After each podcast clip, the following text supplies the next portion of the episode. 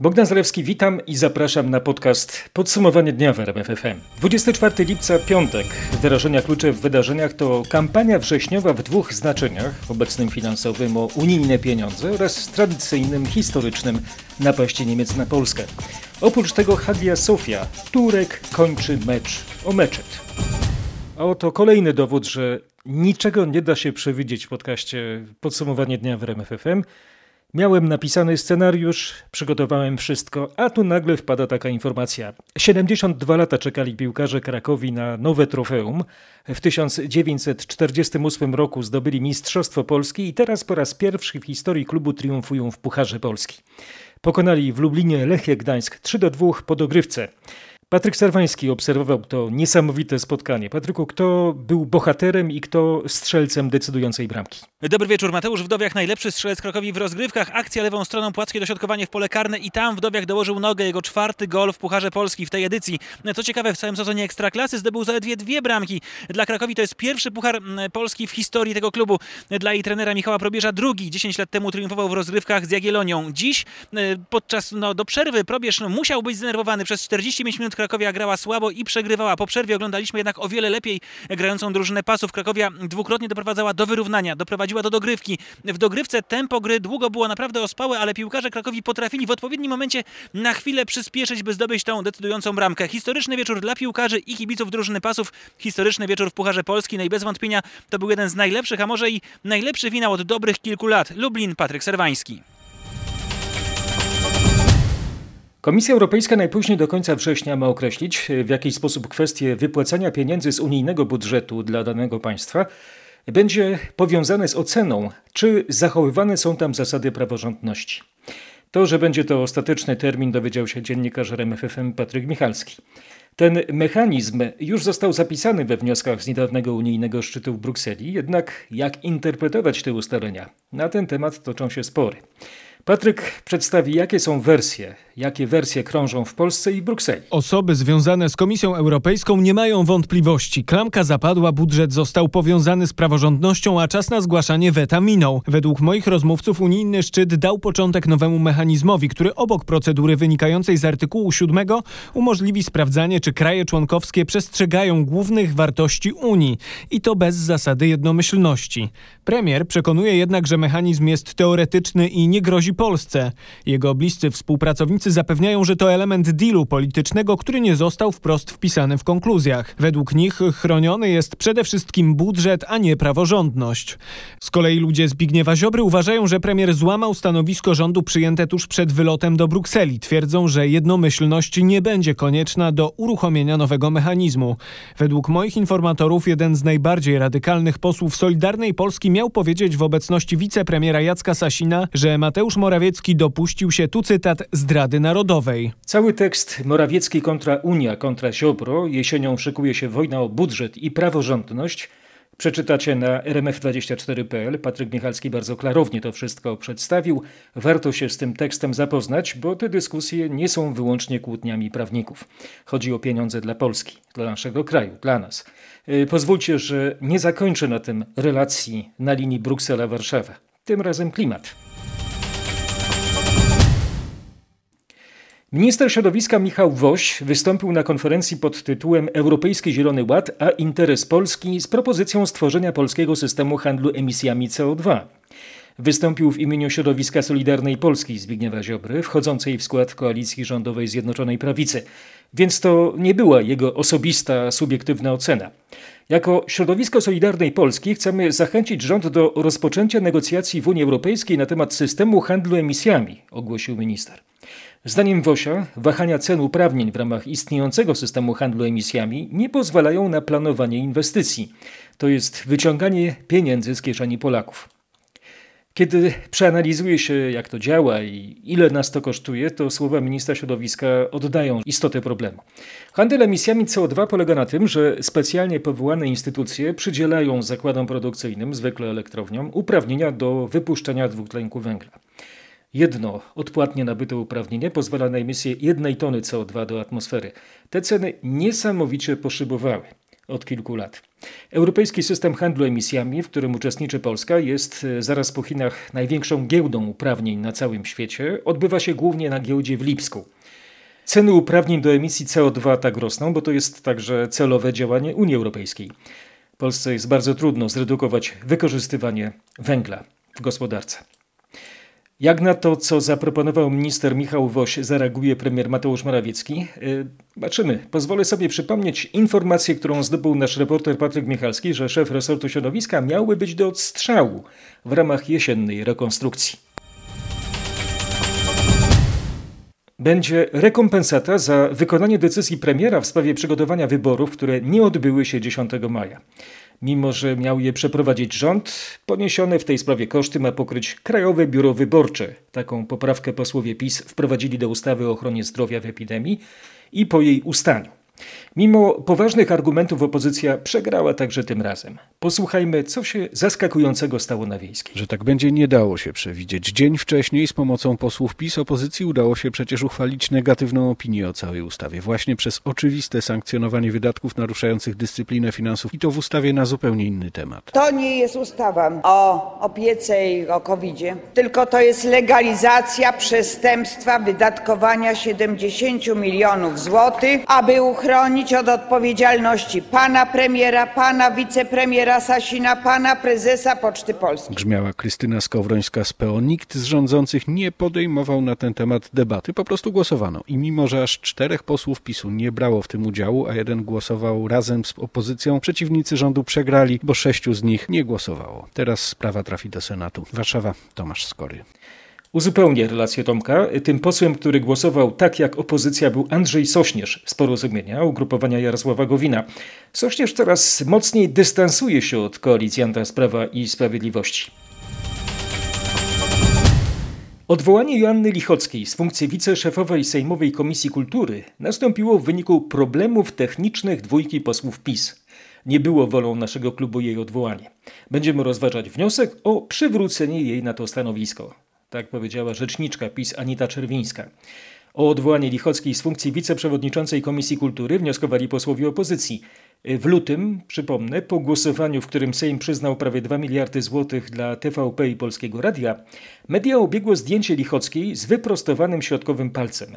Posłanka przeprosiła za ten gest, ale dodała, że przy użyciu stop klatek wprowadza się opinię publiczną w błąd i zarzuciła Platformie Obywatelskiej uruchomienie machiny propagandowej. No, tak sobie pomyślałem, czy być może na stopklatkach trzeba by sprawdzić, jak za odwołaniem Lichockiej głosowały posłanki PiS. Żadna z osób, które zgłosiły się do Sanepidu, a były na powyborczym spotkaniu z prezydentem 13 lipca w Odrzywole koło Przesuchy na Masowszu, nie zgłasza objawów choroby. Sanepid nie jest już tak stanowczy, że na spotkaniu z prezydentem Andrzejem Dudą na pewno były osoby zakażone, choć dwoje uczestników ma wynik dodatni testu. Teraz mowa jest o udziale osób z podejrzeniem koronawirusa. Mariusz Piekarski pytał, jaki jest powód złagodzenia stanowiska. Sanepid w Przysusze przyznaje, że wszczęty alarm z powodu obecności prezydenta był zbyt pochopny. Chodzi bowiem o dość długi czas, jaki upłynął od spotkania z prezydentem w Odrzywola, testem, który potwierdził starszego małżeństwa zakażenie koronawirusem. Spotkanie miało miejsce 13 lipca. Test na koronawirusa przeprowadzono jednak dopiero 7 dni później. Nie można więc wykluczyć, że do zakażenia u tych osób doszło po prostu już po spotkaniu z prezydentem. Po drugie, przeanalizowano zdjęcia ze spotkania z prezydentem i para, której później wykryto koronawirusa, stała w znacznej odległości od pozostałych uczestników. Większe obawy Sanepid wiąże teraz z obecnością tego małżeństwa w kościele i z podróżą autobusem do Warszawy, bo to miało miejsce raptem dwa dni przed testem i na razie na kwarantannę z tego powodu skierowano 20 osób. Z Mariuszem jeszcze się nie rozstajemy. Zrelacjonuje nam jeszcze jedną sprawę. Lada chwila wejdzie w życie, a może już weszło, kiedy słuchacie tego podcastu, rozporządzenie zmniejszające dystans społeczny z 2 do 1,5 metra oraz ograniczające restrykcje, m.in. na stadionach i basenach. Przepisy miały wejść w życie już na początku tego tygodnia.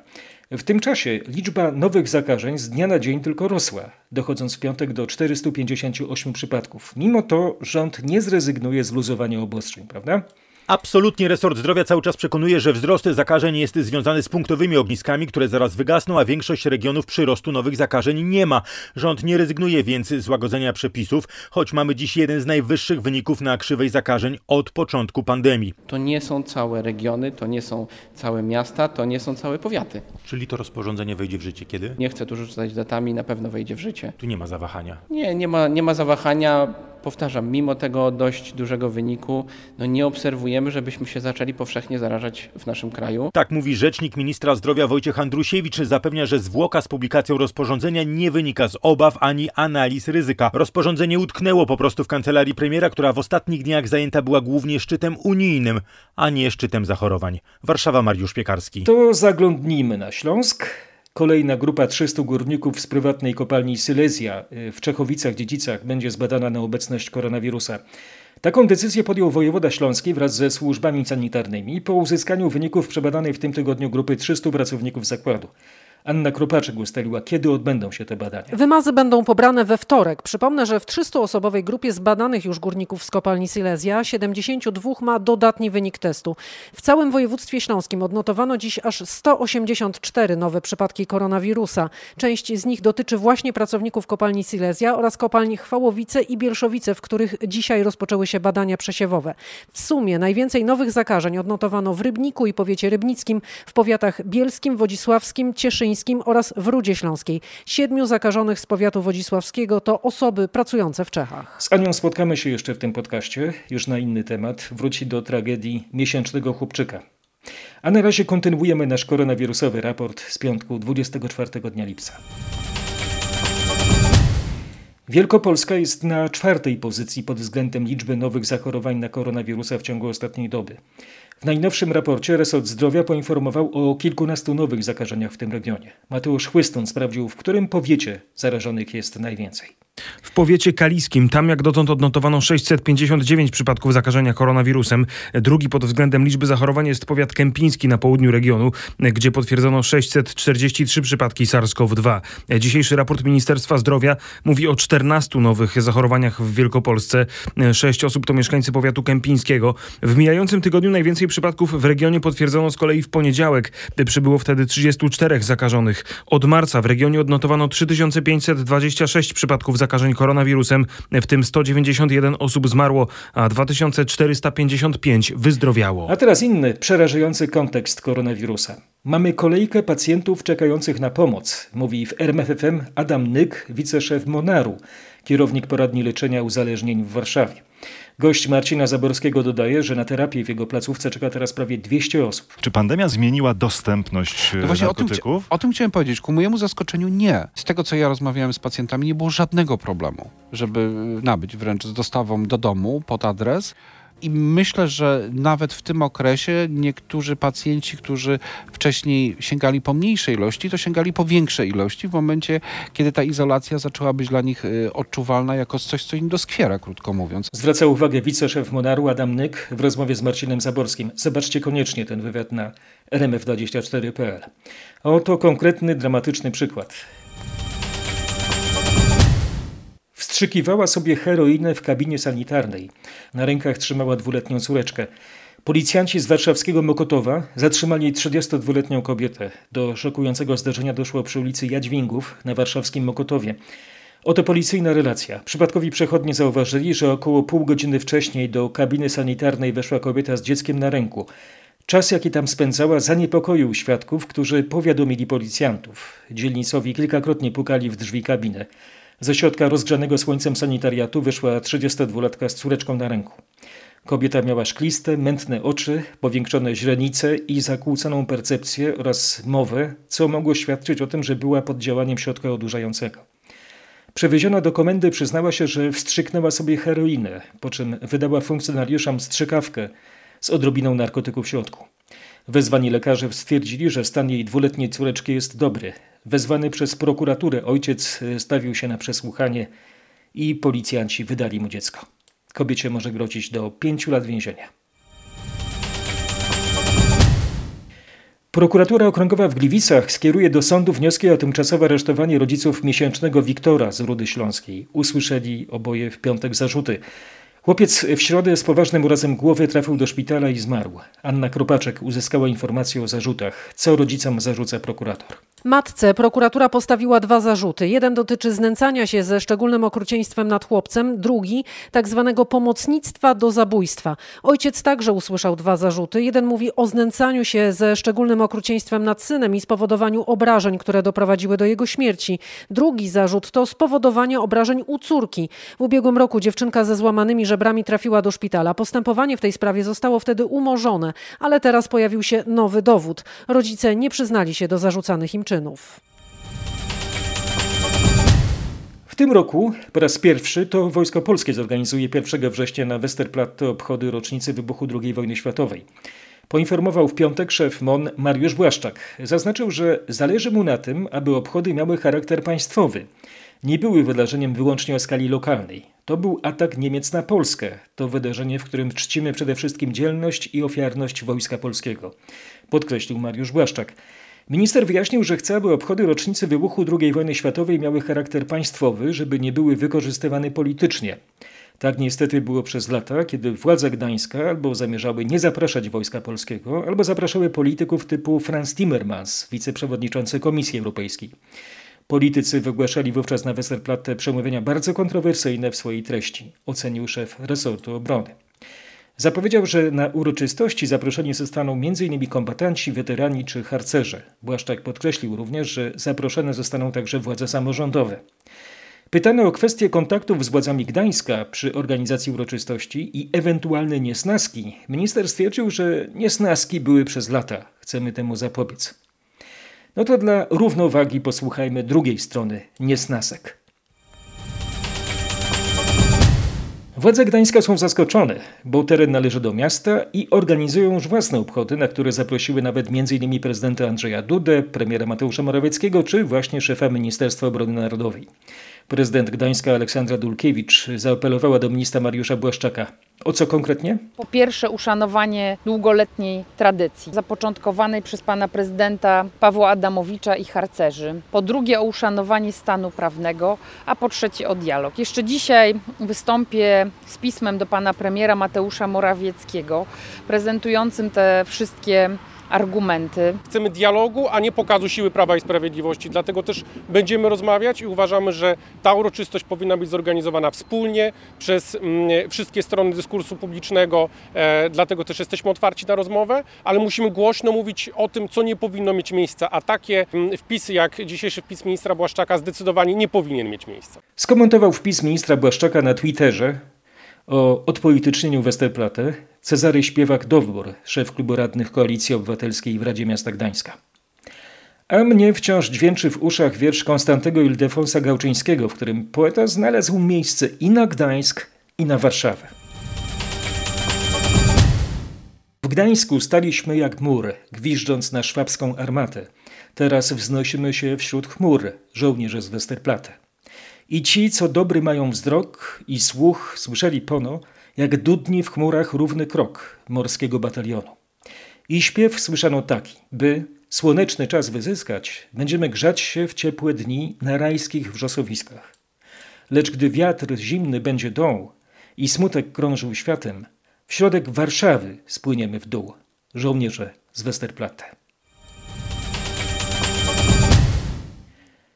Joan Tang, badaczka związana z chińską armią, która skryła się w konsulacie HRL w San Francisco, została zatrzymana przez amerykańskie służby, poinformował w piątek przedstawiciel resortu sprawiedliwości USA. Tang, która pracowała na Uniwersytecie Kalifornii, ubiegając się o amerykańską wizę, złożyła niezgodne z prawdą oświadczenie, że nigdy nie służyła w chińskich siłach zbrojnych.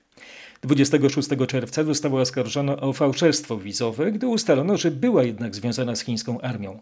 Wkrótce potem kobieta znikła, a z czasem okazało się, że przebywa w chińskim konsulacie w San Francisco. ABC News podaje, że resort sprawiedliwości USA wniósł oskarżenia przeciwko Tang i trzem innym chińskim naukowcom w związku z oszustwami wizowymi, a FBI przesłuchało w 25 miastach osoby, którym postawiono podobne zarzuty w związku z podejrzeniem, że ludzie ci pracują na rzecz chińskiego rządu i zaangażowani są w szpiegostwo przemysłowe i technologiczne. To kolejna część planu Komunistycznej Partii Chin, by wykorzystać nasze otwarte społeczeństwo i eksploatować nasze instytucje naukowe. Powiedział cytowany przez ABC News John Demers, który w resorcie sprawiedliwości USA odpowiada za sprawy dotyczące bezpieczeństwa narodowego. Relacje między Waszyngtonem a Pekinem są ostatnio bardzo napięte, a USA oskarżają Chiny m.in. o kradzież własności intelektualnej i szpiegostwo. Oba kraje spierają się w kwestiach handlowo-gospodarczych, a także w sprawie pandemii COVID-19, autonomii Hongkongu czy przestrzegania praw człowieka wobec Ujgurów i innych muzułmanów w rejonie Xinjiang na zachodzie HRL. We wtorek amerykański sekretarz stanu Mike Pompeo powiedział w Londynie, że USA liczą na zbudowanie koalicji krajów, które rozumieją, jakie zagrożenie stanowi komunistyczna partia Chin i skłonne są stawić czoło HRL. Biały Dom ostrzegł w piątek Chiny przed prowadzeniem polityki wet za wet. Odniósł się w ten sposób do decyzji Pekinu o nakazie zamknięcia konsulatu USA w Chengdu w odpowiedzi na amerykański nakaz zamknięcia konsulatu HRL w Houston. Oto reakcja władz państwa środka. Obecne napięcia w relacjach chińsko-amerykańskich zostały w całości wywołane przez USA, oświadczył w piątek radca stanu w rządzie HRL i szef chińskiego MSZ-u Wang Yi podczas wideokonferencji z szefem niemieckiej dyplomacji Heiko Maasem. Oto komunikat rzecznika chińskiej dyplomacji Wanga Wenbina. Chiny prowadzą niezależną pokojową politykę zagraniczną, podążają ścieżką pokojowego rozwoju i są zaangażowane w budowanie nowego typu stosunków międzynarodowych i z myślą o wspólnej przyszłości ludzi na całym świecie. Chiny nigdy nie będą szukać hegemonii ani ekspansji. Chiny są siłą napędową pokoju na świecie, przyczyniającą się do globalnego rozwoju i obrońcą początku międzynarodowego.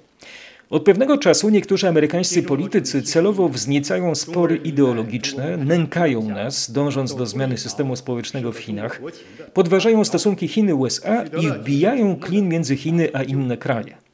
Celem tych działań jest oczernianie i osłabianie Chin, odwrócenie uwagi własnej amerykańskiej opinii publicznej. To poszukiwanie korzyści w polityce wewnętrznej USA. Sztuczki tych amerykańskich polityków nie zwiodą ani Amerykanów, ani społeczności międzynarodowej. To jest fragment komunikatu rzecznika Wanga Wenbina. No i co ciekawe, oprócz takich buńczucznych wypowiedzi było też zaproszenie do współpracy. Posłuchajmy. Od momentu nawiązania stosunków dyplomatycznych 41 lat temu rozwój stosunków Chiny-USA wielokrotnie pokazał, że współpraca przynosi obopólne korzyści, a konfrontacja nie przyniesie pożytku żadnemu z naszych państw. Dlatego jedyną słuszną opcją jest kooperacja.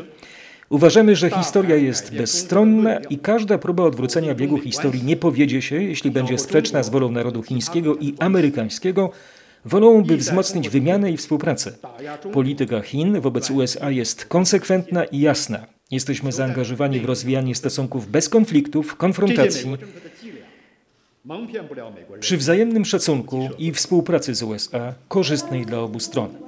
Jednocześnie zdecydowanie chroniąc naszą suwerenność, bezpieczeństwo, interesy i rozwój. Wzywamy rząd USA do porzucenia mentalności zimnowojennej i nastawienia ideologicznego, do przyjęcia właściwego poglądu na stosunki Chiny-USA, powstrzymania się od konfrontacyjnych słów i czynów oraz stworzenia warunków dla dwustronnych relacji z myślą o powrocie do normalności. To były napięte relacje na linii zachód-wschód w geopolityce, a teraz zderzenie cywilizacji, jakby powiedział Samuel Huntington, zachodniej z islamem. Prezydent Turcji Tayyip Recep Erdoğan dołączył w piątek do tysięcy wiernych w Hagi Sofii na pierwszych od niemal 90 lat muzułmańskich modlitwach. Czczony przez chrześcijan i muzułmanów, zabytek został w tym miesiącu ponownie przekształcony w meczet. Erdoğan i jego najważniejsi ministrowie w białych maseczkach na twarzach klęczeli na niebieskich dywanikach podczas ceremonii oznaczającej powrót muzułmańskiego kultu do budynku, który przez ostatnie 86 lat służył jako muzeum. Tęskniliśmy za tym, odkąd byliśmy młodzi. Zawsze mówiliśmy, zerwijmy łańcuchy i otwórzmy Hagię Sofię.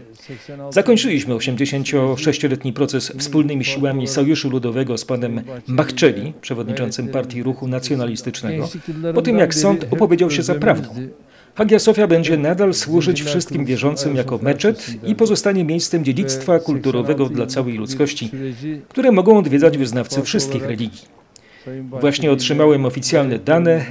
350 tysięcy ludzi uczestniczyło w piątkowych modlitwach. To dowód znaczącej miłości. Tak chwalił się Erdoğan. Najwyższy turecki sąd administracyjny unieważnił 10 lipca status Muzeum Słynnego Zabytku. Tego samego dnia Erdoğan podpisał dekret, który formalnie czyni z Hagi Sofii meczet. Budynek przez ponad 900 lat był bizantyjską bazyliką, a po przejęciu miasta przez Osmanów służył niemal 500 lat jako meczet do 1934 roku. Erdoğan na nowo ukształtował współczesną Republikę Turecką, założoną prawie 100 lat temu przez zagorzałego sekularyzatora Mustafa Kemala Atatürka, znosząc zakaz noszenia muzułmańskich chust w instytucjach państwowych, promując edukację religijną i zmieniając oblicze potężnej armii tureckiej, niegdyś bastionu świeckich wartości Atatürka. W Belgii nastąpił gwałtowny wzrost liczby przypadków COVID-19, w związku z czym zaostrzono środki bezpieczeństwa. Wprowadzono nakaz noszenia masek w miejscach licznie uczęszczanych, takich jak ulice handlowe czy nadmorskie promenady. Z Brukseli nasza dziennikarka Katarzyna Szymańska-Borgino. Belgia zawiesiła kolejną piątą fazę wychodzenia z obostrzeń związanych z pandemią. Dotyczyła ona zniesienia restrykcji związanych z organizowaniem dużych imprez masowych. Burmistrz Antwerpii, gdzie zanotowano aż połowę wszystkich nowych przypadków koronawirusa, zamierzał początkowo znowu zamknąć restauracje i bary. Jednak na razie wprowadził jedynie obowiązek zapisywania danych wszystkich klientów lokali gastronomicznych. Chodzi o to, żeby można było szybko zidentyfikować ewentualne ognisko zakażenia. Podróżni przyjeżdżają przyjeżdżający do Belgii będą musieli wypełnić elektroniczny formularz z 48-godzinnym wyprzedzeniem, by poinformować, gdzie byli i skąd pochodzą.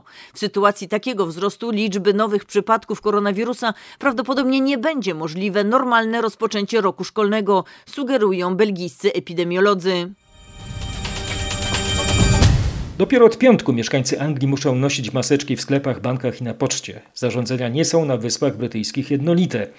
To, jak donosi nasz korespondent Bogdan Firmorgan, doprowadza do lokalnych, a nawet narodowych konfliktów. Maseczki stały się obowiązkowe w Anglii, ale nie są w Walii i Irlandii Północnej. Od dawna natomiast muszą nosić je Szkoci. Na wyspach o tempie wprowadzania i łagodzenia obostrzeń decydują władze regionalne. Oprócz podejmowania decyzji ekonomicznych nie ma jednej centralnej strategii. To doprowadza do wielu konfliktów. Na przykład do niedawna Walijczycy nie życzyli sobie, by odwiedzali ich Anglicy, gdzie obostrzenia były łagodniejsze. Podobnie nieufnie witali swych sąsiadów Szkoci. Jak zauważają komentatorzy, po Brexicie, w czasie pandemii i z rosnącym apetytem na niepodległość Szkocji, Zjednoczone Królestwo staje się coraz mniej zjednoczone. Niecodzienny skandal we francuskiej poczcie publicznej.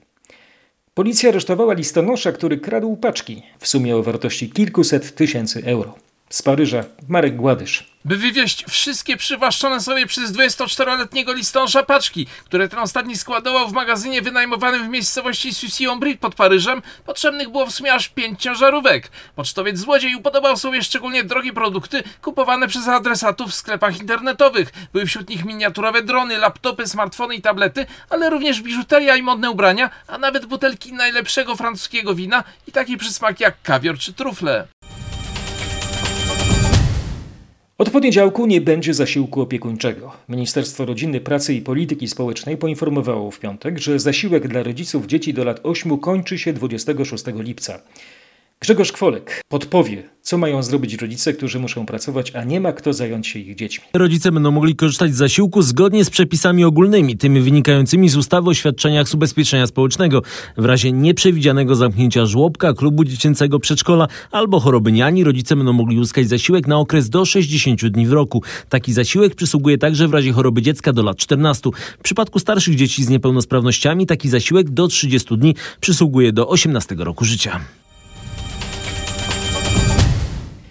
Infolinię dotyczącą bonu turystycznego uruchomił Zakład Ubezpieczeń Społecznych. To właśnie ZUS odpowiada za logistykę, przydział i aktywowanie bonów. Czyli osoby, które chcą skorzystać z bonu i podmioty turystyczne, które chcą przystąpić do programu, będą mogły wyjaśnić swoje wątpliwości dotyczące m.in. prawa do bonu, jak aktywować bon, jak nim zapłacić za wakacje. Przez całą dobę będzie można we wszystkie dni tygodnia wyjaśnić swoje wątpliwości dotyczące właśnie polskiego bonu turystycznego. Informował Karol Jagielski ze szczecińskiego oddziału ZUS. Numer infolinii Zakładu Ubezpieczeń Społecznych znajdziecie na naszej stronie internetowej rmf24.pl. Bon turystyczny, przypomnę, ma być dostępny na przełomie lipca i sierpnia.